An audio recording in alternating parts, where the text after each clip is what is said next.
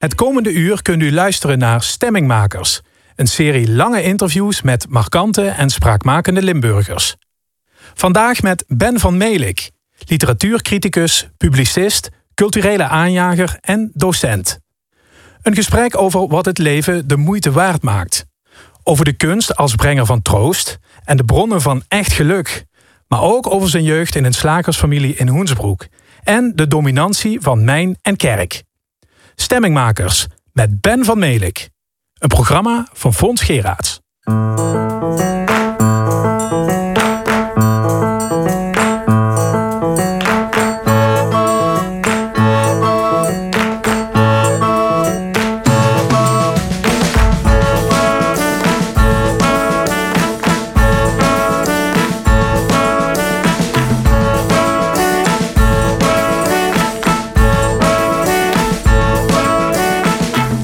Vraag is altijd, wat is je huidige gemoedstemming?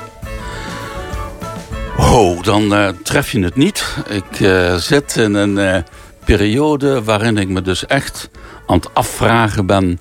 wat de zin en betekenis is van alles wat ik in mijn leven zoal gedaan heb.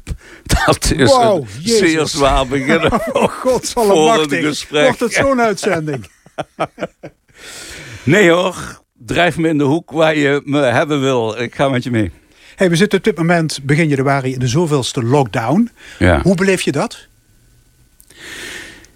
Ja, ik vind dat toch echt wel uh, een soort gevangenis. Uh, ik, ik, ik, bij de vorige lockdown, of downs moet ik zeggen misschien... merkte ik al dat je, je kunt niet meer met mensen omgaan op de manier zoals je wil op de manier zoals je gewend bent, op de manier zoals je denkt dat het moet. Ik ben zelf nogal aanrakerig, dus uh, dat kan niet meer. Ik ben ook een beetje omhelzerig, dat kan niet meer. Je moet die afstand hebben. Je kunt niet meer mensen bezoeken op de momenten dat je wil. Ik vind het echt een, een, een, een, een, uh, een handicap in het, uh, in het omgaan met mensen. En dat betekent dus ook dat je dus op den duur, merk ik, op een andere manier gaat communiceren met mensen. Hoe dan? Het is alsof de dingen wat uh, vervlakken op de een of andere manier. Het is, je ziet elkaar veel minder en daardoor... Uh, heb je soms wat, wat inleidens nodig om met elkaar om te gaan. Uh, je kunt niet alles aan de orde stellen wat je aan de orde zou willen stellen. Uh, want de tijd is veel, veel beperkter. Dus het gaat ten koste van het intermenselijke contact. Ja, precies. En verder is alles dicht, hè? de precies. cafés, de theaters, de musea, de filmhuizen. Dat vind ik ook, hè? Dat, dat vooral ook dat uh, de cafés dicht zijn. Want ik, ik kom graag in een café, beweeg me graag op die manier onder mensen. En uh, ja, nu is uh, de boekhandel dicht. Ik kom graag en, en veel in de boekhandel. Hè. Ik, in Heerlen, een nieuwe boekhandel van, van de Velde van Dam. Hè. Dat is, is, en daar tref je mensen. En ook die omgang is anders. Ik heb een aantal leesclubs hè, die, die je een aantal jaar, keren per jaar ziet. Ja, dat kan en mag ook die doorgaan. En je kunt wel zeggen je kruipt in, in boeken en in schrijven. En, maar dat is toch allemaal ervaren. Je begint dat een beetje te ervaren als een soort erzats voor het, voor het, voor het echte leven. Dat toch bestaat uit uh, het omgaan, het communiceren met mensen. En dat is een boek of het schrijven is, is, is eigenlijk een middel, een voertuig. Ja, we zitten in de bovenste etage van jouw woonhuis. Ja. Dit is jouw werkkamer. Ja. Uh, dit is een belangrijke plek voor jou? Ja, dit is de plek waar ik, moet ik je zeggen, dus mentaal leef. Uh, hier uh, ben ik dus echt met, dingen, met de dingen bezig die me uh, intensief bezighouden. En beneden woon ik samen met mijn vrouw en met, met bezoek. Beschrijf de ruimte dus, Ben. Ja, wat je, wat je ziet... het zijn vooral boeken. Het zijn vooral boeken en heel veel fotoprolaria uh, aan, aan de muren geprikt van dingen waarvan je denkt dat ze een uh, belangrijke rol in je leven spelen. En die je wil blijven uh, herinneringen. Ook mensen die, daar linksboven zie je een foto bijvoorbeeld van Anthony Mertens. En dat was een fantastische docent op de Universiteit in Amsterdam. Ah, ik ken hem als journalist van de Groene Amsterdammer. van de Groene Amsterdammer. Echt, echt een, een, een, een man van de geest, maar tegelijkertijd ook iemand die, als je tegen hem zei, Tour de France 1957, aankomst Luchon, gaf hij je 1, 2, 3, 4 en 5. Bij wijze van spreken. Ja, ja, ja. En daarnaast Erasmus, of niet? Nee, dat is uh, Frida Balksmit. Nee, uh, daarnaast. Nee, waar? Nee, dat is Pete Townsend van de Who. Nee, je meent het. echt waar. Dat is Pete Townsend van de Who. Ja, dat is mijn... mijn eh, dat, is, dat vind ik echt uh, een held. Iemand...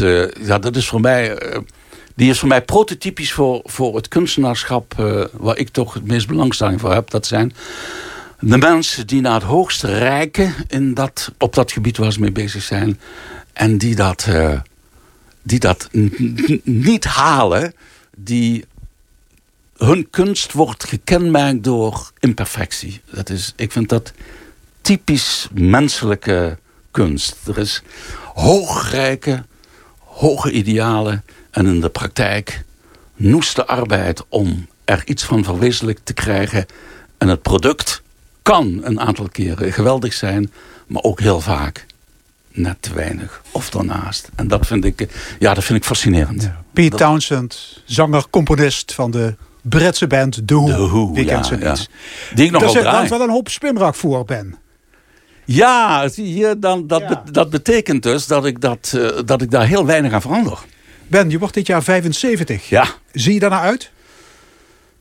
Uh, ik moet je zeggen dat ik daar niet naar uitzie. Want dat is dan toch weer zo'n uh, zogenaamde mijlpaal. Hè. 75 is geen 70 meer.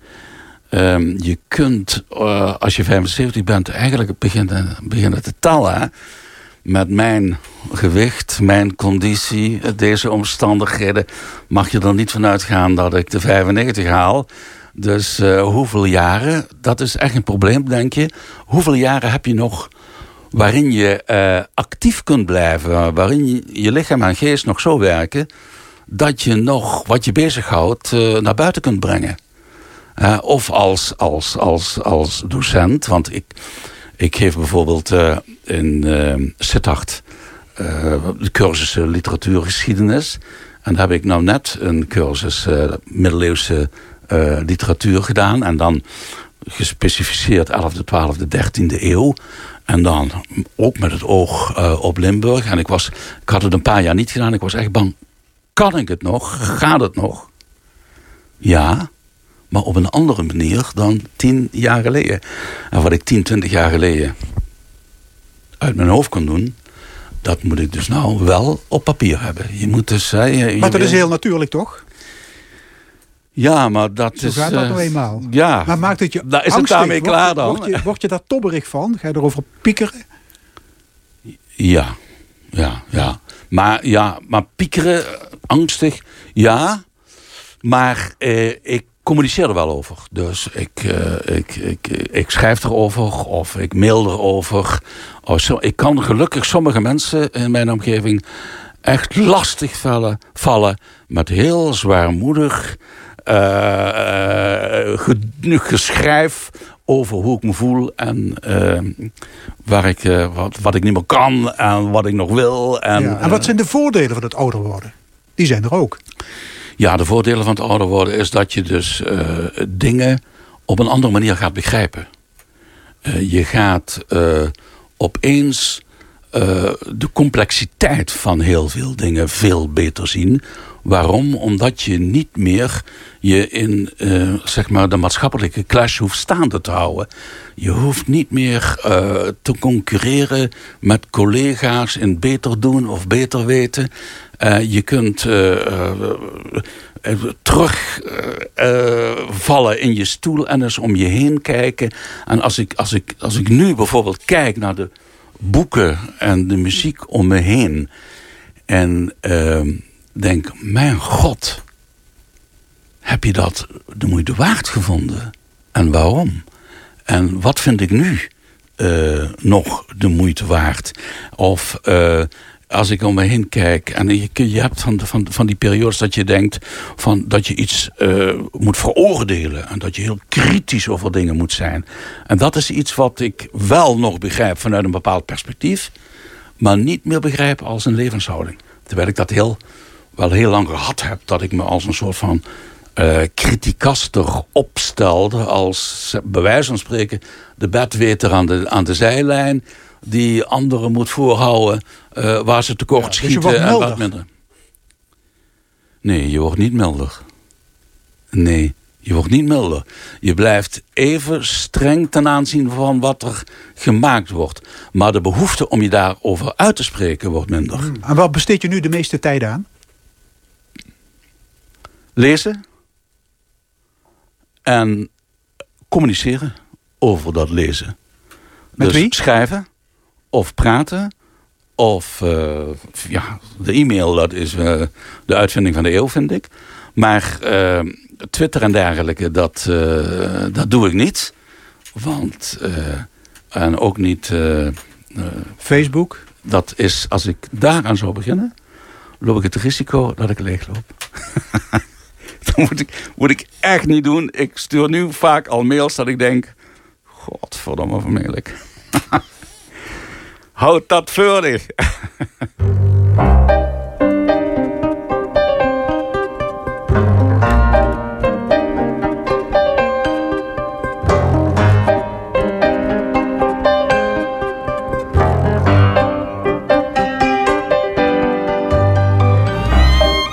Vermelik is bijna 75 jaar. Geen reden voor hem om het wat rustiger aan te doen. Integendeel, hij schrijft, leest, recenseert, organiseert en doseert dat het een aard heeft. Hij is medewerker van de Limburger, Zout en van L1. Zijn specialiteit? Literatuur in en uit Limburg. Voor zijn pensionering werkt hij als docent Nederlands. Familie komt uit een slagersfamilie. Zijn vader, grootvader, oom, broers en neven waren het allemaal. Maar de slagersdynastie loopt ten einde nu zijn oudste broer als laatste op het punt staat het hakmes erbij neer te gooien. Heeft hij bewondering voor het slagersvak? Ja, enorm. Ik heb als, als, als kind werden wij geacht mee te werken. Dus ik, en, en mee te kijken vooral ook. En ik heb dus heel, heel veel dingen in de slagerij ook, uh, ook gedaan. En ik heb, ja, ik heb uren doorgebracht met alleen maar kijken naar mijn vader. Hoe hij worst maakte, naar de knechts hoe ze uitbeenden. Ik kan me herinneren, uh, een, een vliezer uit Trebik die donderdagavond kwam... Hè, om al die stukken rundvlees uit zo'n bouw te halen en winkelkaart te maken. En dan moesten dan de vliezen van afgehaald worden met een heel scherp dun mes. En die, nou, die kon dat zo, dat, dat geen vetsvlees bleef hangen aan zo'n vlies. En, uh, ja, fascinerend. Dat, dat ambacht, uh, dat heb ik nog, nog altijd. Ik kan, ik, als ik mijn moeder deed me geen grote plezier dan te vragen... Uh, ga, naar de, ga de schoenen naar de schoenmaker brengen. Want dan kon ik daar een half uur kijken naar wat hij wat hij aan het doen was. Dat heb ik nog. Mensen die op straat aan het werken zijn. Ik, ja, ik kan uren kijken naar mensen die, uh, die, die ambacht kunnen. Ja, die, Ik, ik, heb daar ook een enorme bewondering voor. Die hele branche staat nu wel in een kwaad daglicht, hè?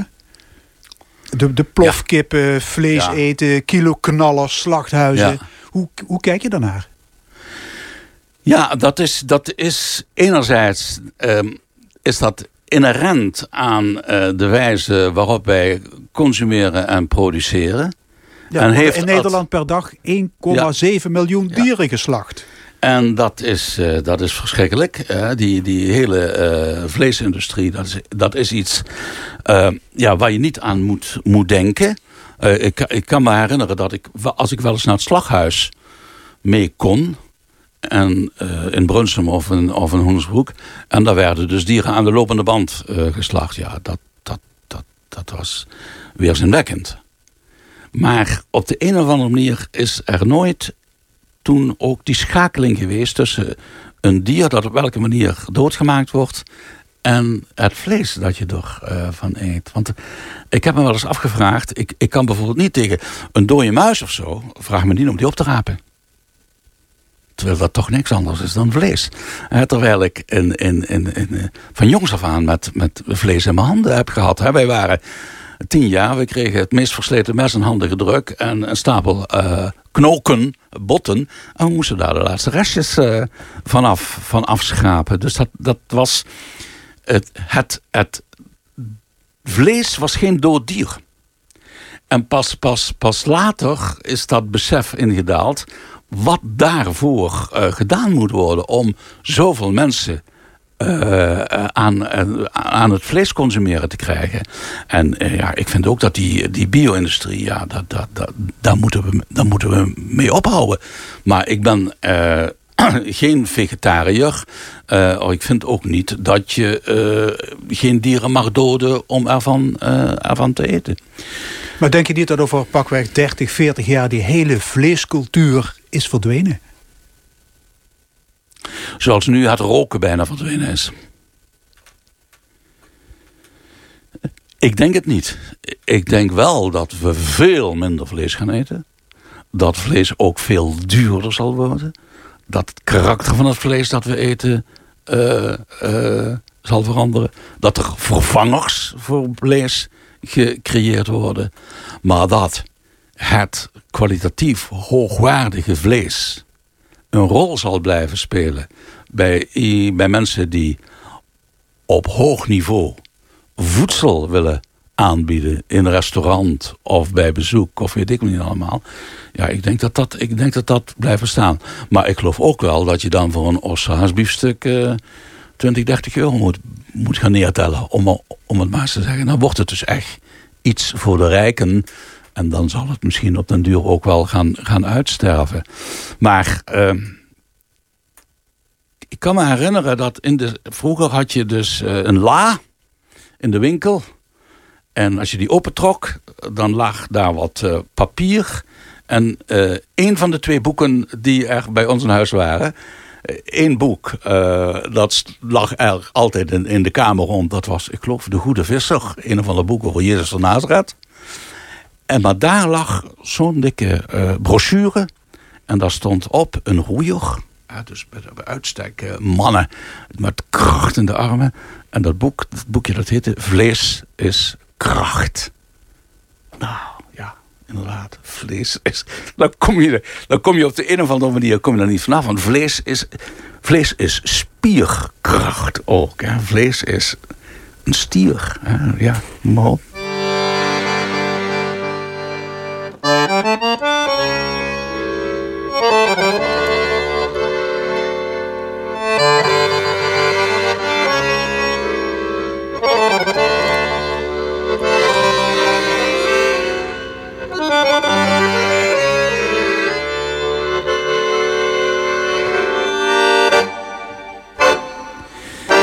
Ik ben uh, opgegroeid in, in, uh, in Hoensbroek. Uh, in de Hoofdstraat tegenover de Oude Kerk. Zeg maar eens 100 meter van de markt. Dus in, een, in een milieu. Ik was de oudste van acht kinderen. Er waren altijd mensen in huis. Knechts, dienstmeisjes. Mijn vader en moeder waren altijd aan het werken. Ik heb een fantastisch vrije jeugd gehad. Je kon doen en laten bij ons thuis wat je wou. Er was echt ook een, een inloophuis voor vriendjes en, en vriendinnen. En um, twee keer per jaar de kermis naast de deur. Uh, keer per jaar het circus uh, op de markt. Het was een, uh, ja, het was een, een, een jeugd die, ja, waar je spelen kon in de weien achter het huis naar het spoor. Het was, ja, het was eigenlijk fantastisch. De enige donkere smet was uh, maandagochtends het slachten. Hè, van, dan zag ik dus mijn vader dieren doden. Dat vond ik dus... Uh, dat was echt traumatisch, bij wijze van spreken. En uh, um, de kerk. Hè, op een gegeven moment kwam dat, dat verplichte Rooms-katholieke denken... dat werd, dat werd een harnas wat ik als, als, als tien- en elfjarige um, als missionaar deed alsof het gewoon was. Dat werd als 12, 13-jarige een enorm groot, groot probleem. En uh, die, die, die, die kruisdood van, van Jezus en die Kruisweg. Hè, die werd groot geschilderd in de Sint-Janskerk, waar ik net naar was. Die beelden, daar had ik bijna nachtelijks terugkerende dromen over. Jezus valt onder het kruis. De geest, de doorne kroon, je zag die beul, die doorne kroon op dat hoofd drukken. Ja, dat zijn... Dus je kreeg nachtmerries, van, die, van die afbeeldingen. Ja. Ja, Maar je bent grootgebracht met, met de catechismus, met veel kerkgang. Ja. Elke ochtend, hè. Ik kan me nog eh, herinneren dat meester Rats op de zesde klasse... die had op het linkerbord een bed getekend. En daar staken zo mannetjes uit met hele lange oren... En wie niet naar de kerk geweest was, die kreeg zijn naam onder zo'n mannetje uh, geschreven. Dat was een langslaper. dat was kerkbezoek. Hè, dan kon je dus 50 keer naar de kerk zijn geweest. En ik stond daar 43, 50 of zo, weet je. Ja, en biechten natuurlijk? Biechten, ja, dat was een aanfluiting. Dat, eigenlijk, is het daar, eigenlijk is daarmee begonnen dat je begon te twijfelen. Wat is dit eigenlijk allemaal? Want in die eerste, zeg maar, van, mijn, van, van je biecht van je zevende tot je twaalfde. Dat moest dan één keer per maand. Hè? Ik kan me niet herinneren dat er één iemand ooit bij was die dat serieus nam. En dan hebben we het toch over uh, begin en midden van de jaren 50. Maar dat, was dat moeten die priesters aan de andere kant aan die, aan die biechtstoel toch ook wel eens hebben gedacht van wat ben ik hier in vredesnaam aan het doen? Ja. Maar dat hebben ze ook gedacht terwijl ze de mis celebreerden. Want dat was in het Latijn, dat was vaak ook een geprevel van, van A tot Z. Er werden heel veel dingen, dingen, denk ik, ook door die priesters... gewoon zonder nadenken gedaan. Zoals een ambtenaar zijn werk doet, zo, zo deden die priesters hun werk. Al, en je, je had geluk als eens iemand wilde uitpakken met een preek. En die was dan ook uh, bekend. Oh, uh, Mees is uh, zondig, ja, dus zal wel wat te zeggen hebben. Dus met andere woorden, dat waren ook eh, bedienaren. Je had dus de kerk en de mijn. Ja. Want de kolenmijnen draaide op volle toeren ja. in, jouw, in jouw jeugd. Hè. Je vlakbij had je de, de staatsmijn Emma. Als we, als wij nou het raam uitkijken, dan zag je uh, de koeltorens van Van Itterson. Dan zag je de grote schacht. Uh, dat was echt uh, ja, van, van, zeg maar van links aan het raam tot 500 meter naar rechts. Eén complex Emma. En als je dan... Daarachter lag meteen de Hendrik. Dus dat was meer dan vierkante kilometers uh, mijnencomplexen. En dan liep je 500 meter hele rijen en dan kwamen de Oranje Nassau's. Dus dit, dit, was echt uh, mijn gebied. En, en dat was voor jou iets vanzelfsprekends? Ja, eigenlijk nooit meer nagedacht.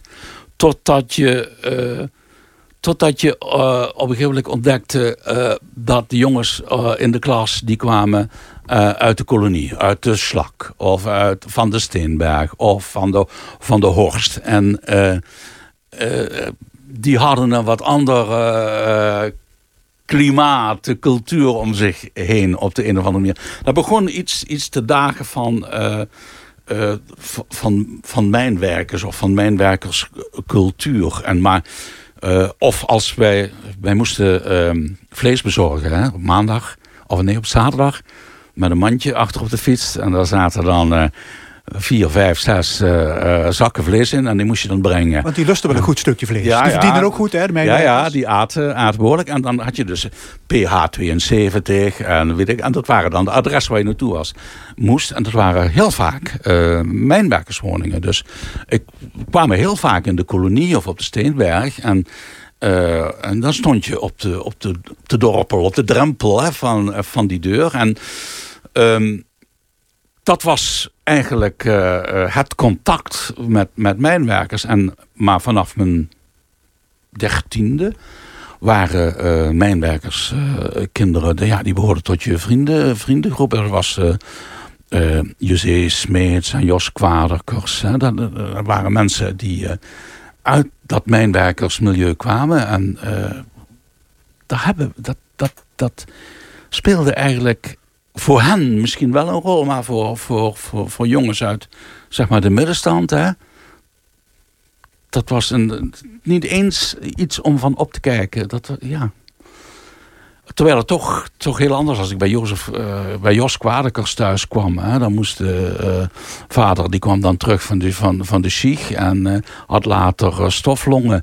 En daar stond de hele dag eten op, op de kachel. En daar woonden ze ook met, met, met zeven mensen. En wij woonden in een ontzettend groot huis. Maar daar was een, een, een klein huisje. Dat, verschillen waren wel zichtbaar. Maar daar was op de een of andere manier geen enkele waardering aan verbonden. althans, van mij uit. Zat jij als jong manneke al met de neus in de boeken? Ja. Wat las je? Ik was, uh, ja, je begint te lezen uh, met uh, de eerste heilige communie. Hè. Toen, toen kreeg ik van ome Willem, ome Willem, die had klassieken gestudeerd. Hè. Dat was de oudste van familie. Toen kreeg ik, daar staat hij nog, sprookjes van Andersen. En dat was de eerste keer dat ik dus uh, ergens tegenop moest groeien dat ik niet kon behappen. Die waren me veel te moeilijk. Ik was met uh, Puk en Muk bezig en met Witnus en Pim. En ik werd dus blijkbaar geacht om die sprookjes van Andersen te kunnen lezen. Maar ik kon ze niet aan. Sprookjes van Grimm, sprookjes van Moeder, Gan, Moeder de Gans. Ik las ze, maar daar kwam ik niet aan toe. En dat is, dat is eigenaardig. Dat is als ik mijn hele uh, uh, loopbaan als lezer naga... Ik, ik heb altijd zitten aanhikken tegen boeken die ik niet aankon. En vanaf het begin heb ik ze bewaard. En hier staan er dus een heleboel tussen die ik, die ik, die ik niet heb kunnen verorberen. Er zijn er zelfs... die waren te gelaagd? Die waren te, te, te filosofisch misschien? Te, te, te, uh, te moeilijk. Uh, daarvan realiseerde ik me dat ik iets las... dat ik zou moeten herlezen en herkouwen en nog eens lezen... om het te kunnen begrijpen zoals het bedoeld was. En ik heb dat eigenlijk tot, tot, nu toe. Op de universiteit moet je, daar, uh, moet je die stap nemen uh, om daar overheen te kunnen. Maar ik heb heel vaak zitten lezen op de universiteit... in, in, in, in boeken, in artikelen, dat ik dacht wat ben ik nou eigenlijk aan het lezen? Hoe kan ik verbergen dat ik het niet snap? ik heb, ik, je zat in uh, uh, Franse literatuurwetenschappelijke artikelen, te lezen. En als je erover gevraagd werd, dan probeerde je met een enkele aantekening, een slimme aantekening, in het gesprek met de al die het wel begrepen had, te blijven. Of op een gegeven moment kon je ook, zonder dat je uh, James Joyce helemaal gelezen had, of uh, Finnegan's Wake, of, kon je daarover meepraten. Maar ik, als je hier naar Joyce kijkt, dan zie je, hier, hier staat hij uit, talloze, ja. talloze edities. Ik heb hier, het, het wordt echt een uh, bekentenisgesprek. Ik heb hier een aparte tafel gehad, waarbij ik de Engelse de Duitse en de Nederlandse vertaling. Nee, de, de, de, de Duitse en de Nederlandse vertaling van Joyce had uitleggen. En elke dag een aantal bladzijden deed. En toen kwam er een nieuwe vertaling, die legde, in het Nederlands, die legde ik erbij. Maar ja, dat doe je een paar maanden. En dan stop je, want er zijn andere dingen die je, die je aandacht vragen. En dus zo'n zo'n bibliotheek die ik heb opgebouwd... is dus, dus eigenlijk een uh, veruitwendigd archief. En dat zit... Uh, eigenlijk is dit mijn hoofd.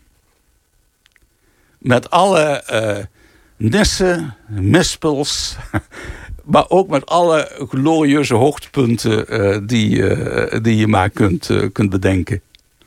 Daarom ben ik ook liever hier gaan zitten om te praten dan beneden, hè, waar, ook, waar veel kunst hangt en zo. Die is allemaal, maar dit, dit is, dit is jouw mijn, natuurlijke habitat. Dit is mijn, ja, dit is mijn ja, habitat, ja.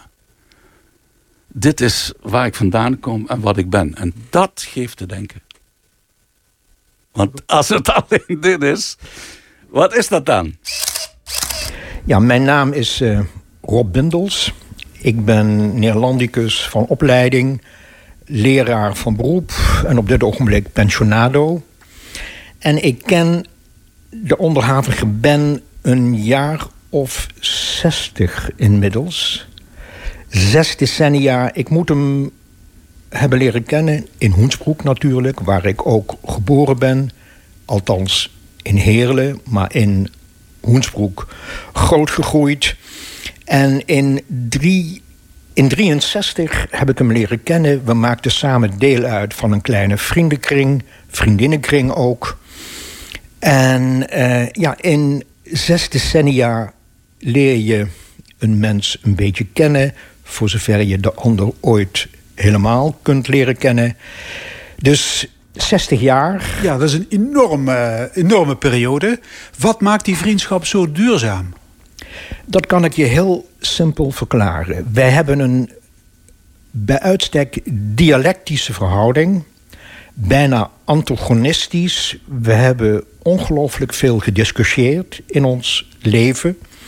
En ook heel veel gecorrespondeerd. Soms één week, uh, geen week zonder brief. En uh, discussie vuur en water. In veel gevallen vooral wat betreft de standpunten. En uh, elkaar bedelven onder gefundeerde kritiek. Ja, gefundeerd, dat is natuurlijk de ik die spreekt. Ja. En, en waarover gingen die discussies? Die gingen heel veel over beeldende kunst, over literatuur uh, in hoge mate. Um, ook over andere uitingen, de kunsten betreffende muziek. Uh, popmuziek, jazz, uh, blues. Maar nooit over de kleine dingen des levens? Ook, vanzelfsprekend. Liefdesperikelen? Uh, ja, de liefde, de vriendschap, um, de godsdienst... en hoe je je daarin zou moeten opstellen. en we zijn begonnen in de puberteit. Je kunt je de contrasterende meningen uit die periode voor de geest halen. Als je zelf jong bent geweest, uh, heel fel, heel radicaal, nog zonder enige levenservaring getemperd. En uh, eigenlijk zijn we die, die antagonistische, die dialectische relatie hebben we eigenlijk in stand gehouden tot op dit ogenblik. Wat is zijn grote kwaliteit? Zijn grote kwaliteit is um, de ijver, de grondigheid waarmee hij zich uh, in iets vastbijt, de trouw waarin hij zich um, in dat wat hij vastbijt, uh, hij laat niet los. Hij um, zegt ongelooflijk vlug en veel ja kan eigenlijk niet nee zeggen. Dat maakt natuurlijk ook dat je van de weeromstuit heel veelzijdig wordt. Want heel veel van de dingen waar hij ja tegen zegt, die heeft hij gekund. Hij heeft laten zien dat hij een in zijn macht heeft. Maar ja, als je te vaak ja zegt, kom je ook een paar keer dingen tegen die je minder makkelijk afgaan en die je eigenlijk had moeten ontraden. Maar over de hele linie genomen ijver, grondigheid um, en een, ja, een, stabiele, hoge kwaliteit door zijn voorbeeldige inzet. Ja, en heeft de gave om te bewonderen. Hij kan heel goed kunstenaars, schrijvers, uh, muzikanten bewieroken. Ja, van vind... Ine Schreuder tot P.H. Winkels en van Piet Townsend tot Maurice Gilliams. Ja. Dat is niet iedereen gegeven. Nee, bewonderen vind ik echt uh, een kunst. Want uiteindelijk, we staan op de schouders van reuzen. Een cliché, maar tegelijkertijd iets wat je niet vaak genoeg voor ogen kunt houden. We zijn uh, stumpers in vergelijking met een groot aantal klasbakken op het gebied van hetzij sport of kunst of literatuur. Dus bewondering vind ik fundamenteel. Alleen af en toe kun je zeggen, je bewondert te kleine geesten, je bewondert geesten die ik om diverse redenen niet kan navoelen. En dan heb je weer die polemiek. Curieus is dat wij op ons zestiende begonnen te polemiseren in de schoolkrant. Ben noemde zich Raskolnikov, hoofdfiguur uit Dostoevsky. En ik mat mij de schuilnaam Necheljudov aan uit een boek van Turgenev. Toen al een polemiek. Ik weet niet meer waar het over ging, maar we stonden lijnrecht tegenover elkaar, tikten elkaar continu indringend op de schouder. En eh, heel vaak leuk. En soms even alsof je een extra oog aanraakt. Niet altijd even leuk. Dus ook wat die bewondering betreft... gaat die soms in mijn ogen iets wat over de schreef. Maar ja, waar gehakt wordt, vallen Spaanders. Ben, waar is kunst goed voor? Ja, dat is, iets, dat is waar, iets waar ik me dus eigenlijk al uh, mijn hele leven mee bezig hou. Dat is eigenlijk de, de enige vraag uh, die ik ben blijven stellen. Niet waarom iets goed is, maar waar is het goed voor? Wat kun je ermee, wat moet je ermee? Want ik bedoel, kunst in de handen en in de geest van verkeerde mensen is ellendig. Op het moment dat je je realiseert dat uh, de beulen uh, Beethoven draaien s'avonds... zie je dus dat er geen enkel verband is tussen de waarde van literatuur... inhoudelijk of qua vorm... en hoe jij je gedraagt en denkt als mens.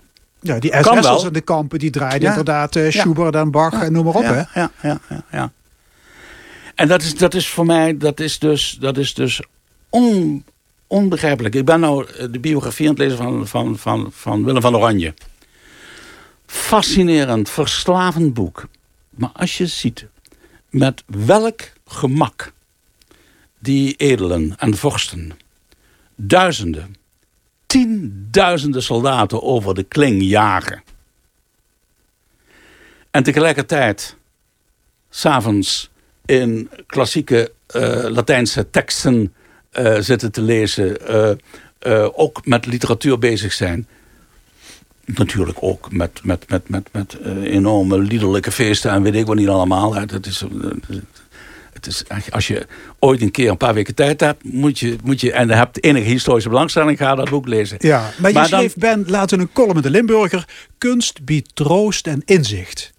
Nu terug naar die smeerlappen. Ja. Inzicht maar kan dat, het niet zijn. Nee, dat troost en inzicht dat is momentaan. Dat geldt maar één, voor één moment. Dat ah, is, daarom voegt hij eraan is, toe van voorbijgaande aard.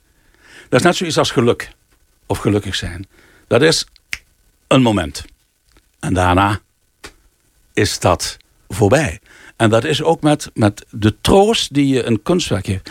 Maar dat is, de troost die je een kunstwerk geeft... is ook de troost die je uh, een ambacht kan geven. Of uh, dat, daarom vind ik het zo verneukeratief om die, om die kunst zo uh, eruit te pakken. Want je kunt aan wat goed is, kun je, vind, ontleen ik troost. Dat is voor mij een bewijs.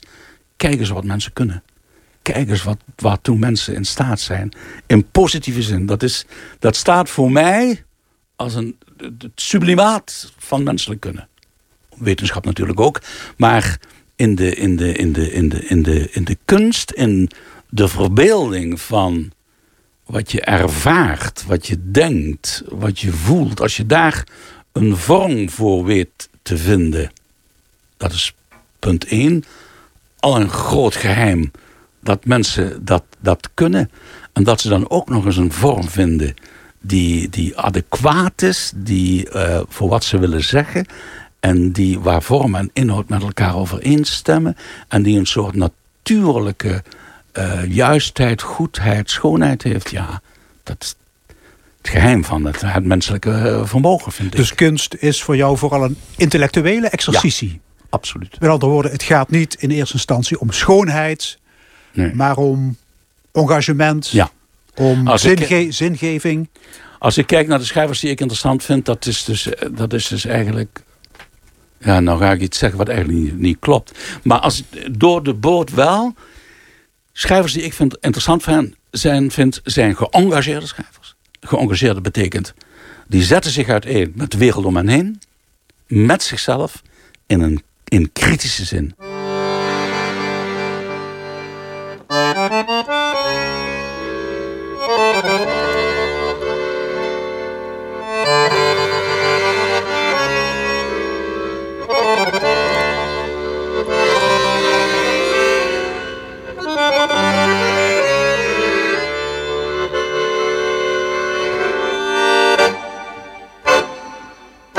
Ik ben, maar je columns zijn wel uh, zwaarmoedig af en toe. Ja, vreselijk. melancholisch. Wat ik nu aan het maken ben, dat durf ik niet eens in te sturen, geloof ik. maar ja. Ja, dat heeft, dat, ja, dat heeft dan toch... Ik, ik, ik dacht, misschien komt dat door hoe je leeft en hoe je geleefd hebt. En weet ik niet. Maar als ik terugga, dan... Ik, ik had het al toen ik 14, 15 was, bij wijze van spreken. Dat je dus... Uh, ja, die, die achterkant van het leven dat die je veel meer opvalt dan, dan de voorkant. En die achterkant, ja, die is niet opgepoetst. Uh, die glinstert niet. Uh, daar is van alles te zien. Je komt er pas via valkuilen terecht. En um, het, is een, het is misschien ook wel een beetje genetisch bepaald. Hè? Het is een, misschien wel een familietrekje. Uh, dat, dat, dat iets wat zwaarmoedige of in psychologische termen dat, iets wat depressief uh, van, van aard zijn. Ja, je schreef laatst over je eigen sterfelijkheid. En wat je schrik aanjaagt, en je zei er straks al iets over... is het feit dat alles wat in je hoofd zit, dat verdwijnt straks. Weg is. En dat vind je onvoorstelbaar en onverdraaglijk. Ja. Kun je uitleggen wat je daarmee bedoelt? Nou, ik heb eens een keer een uitspraak van Kees Vens de, de criticus uh, die de literatuur bepaalde in de jaren 60, 70, 80, uh, gelezen. Uh, de grootste ramp die de mensheid ooit is overkomen, is de brand in de bibliotheek van Alexandrië. Dat daar niets van is overgebleven. Eeuwen cultuur, kunst, wetenschap verzameld, in één keer weg. Alsof het nooit bestaan heeft. Met andere woorden, als je er meer bent, deze ruimte waar we nu zitten... Is al gewoon die boeken, cd's, uh, andere spullen, oud papier. Ja. Dit heeft alleen betekenis voor zover ik er wat mee doe. Maar dit, ja, dit, kijk, voor andere mensen is dit een collectie losse boeken. Ja. Maar voor jou zit er verbinding in. En krijgt het als voor de vorm in, jou, in jouw eigen hoofd. Ja. En is dat de reden waarom je ene Bazon Brok hebt geciteerd in de krant? Ja. Der Tod moest abgeschaft werden. Deze verdammte schwijnerij moest afheuren. Ja. Dat is een, een, dadaïst uit uh, Berlijn, die ook in Aken actief is geweest. In de, Duitse literatuur kom je hem uh, uh, ook al tegen als, als dichter. Maar daar vind ik het grofweg zo keihard gezegd. Het is een, een, een Schweinerei, hè, der dood. Je moet het afschaffen. Want wat gebeurt er? Er sterft niet alleen een lichaam, maar, en er sterft niet alleen een geest, maar er sterft ook alles wat die uitgestraald hebben. Maar je zei er straks, ja, alles wat ik hier achterlaat, dat is straks, hoe zei je dat, prut? Nee, geen prut. Of, of wat, hoe nee, dat je dat? Is, dat is dus voor een belangrijk deel oud papier. Er zitten hier en daar... Ik ben geen... Maar Ben, wat ik wil zeggen, je, je zet erbij... dit moet ik dus straks ook zelf gaan uitmesten. Uh, daar, word, daar word ik dus overspannen van. En dat heb je een keer geprobeerd? Ja. En daarbij mee gestopt, want dat lukte je niet? Daar werd ik totaal overspannen van, want... Omdat elke je jezelf... titel, ook de meest in de kanon minderwaardige... Uh, of de meest mislukte, die hier staat heeft wat voor mij te betekenen in een bepaalde context. Maar iemand die langs deze kasten loopt, kent die context niet. Dus je werpt een deel van jezelf in de container? En daarom word ik er overspannen van. Is dit een, is, is dit een taboe onderwerp onder senioren? Ja, je leest er niet veel. Je leest alleen maar over vitaliteit en weet ik wel niet allemaal. Hè. En, en, en wat, ze, wat, wat het leven nog allemaal te bieden heeft en wat er overblijft en weet ik nog wel. Ja, dat is behelpen, vind ik.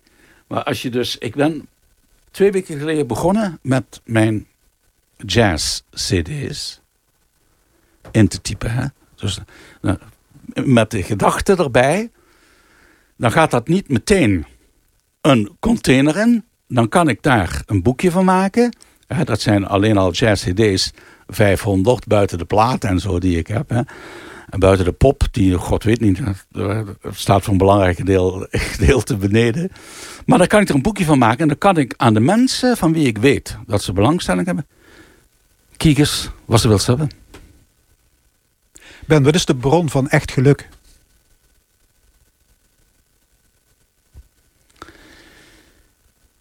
Niet stilstaan bij wat ongeluk is. de bron van echt geluk is uh,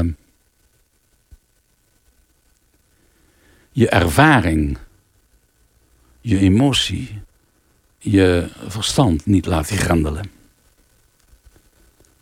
Open, open blijven voor impuls van buiten.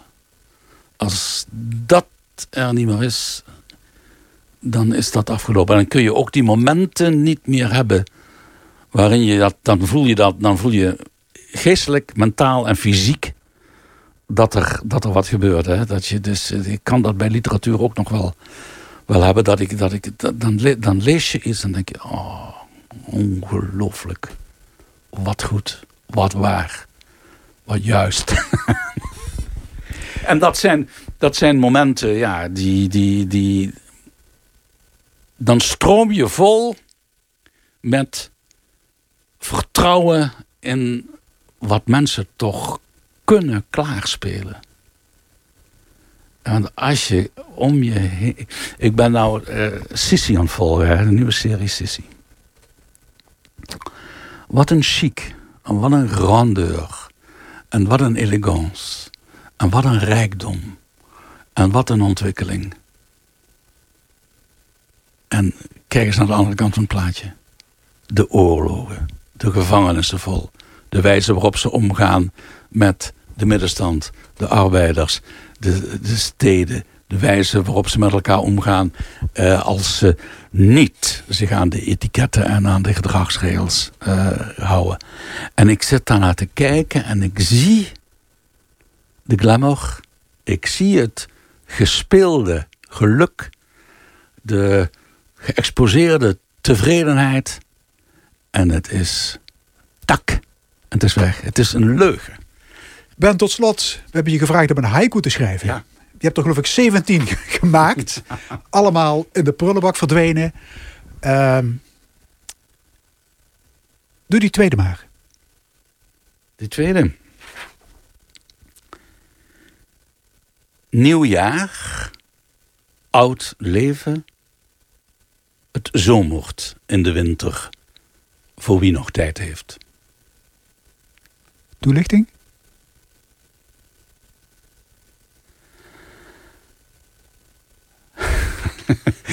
Toelichting.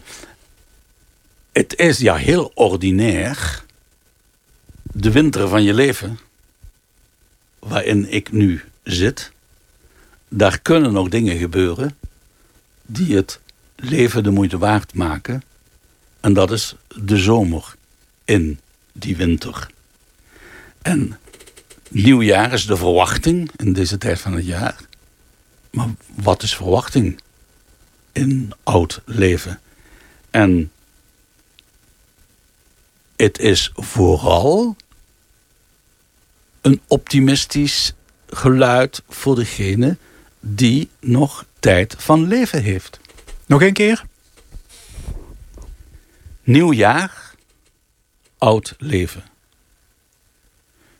Het zomert in de winter voor wie nog tijd heeft.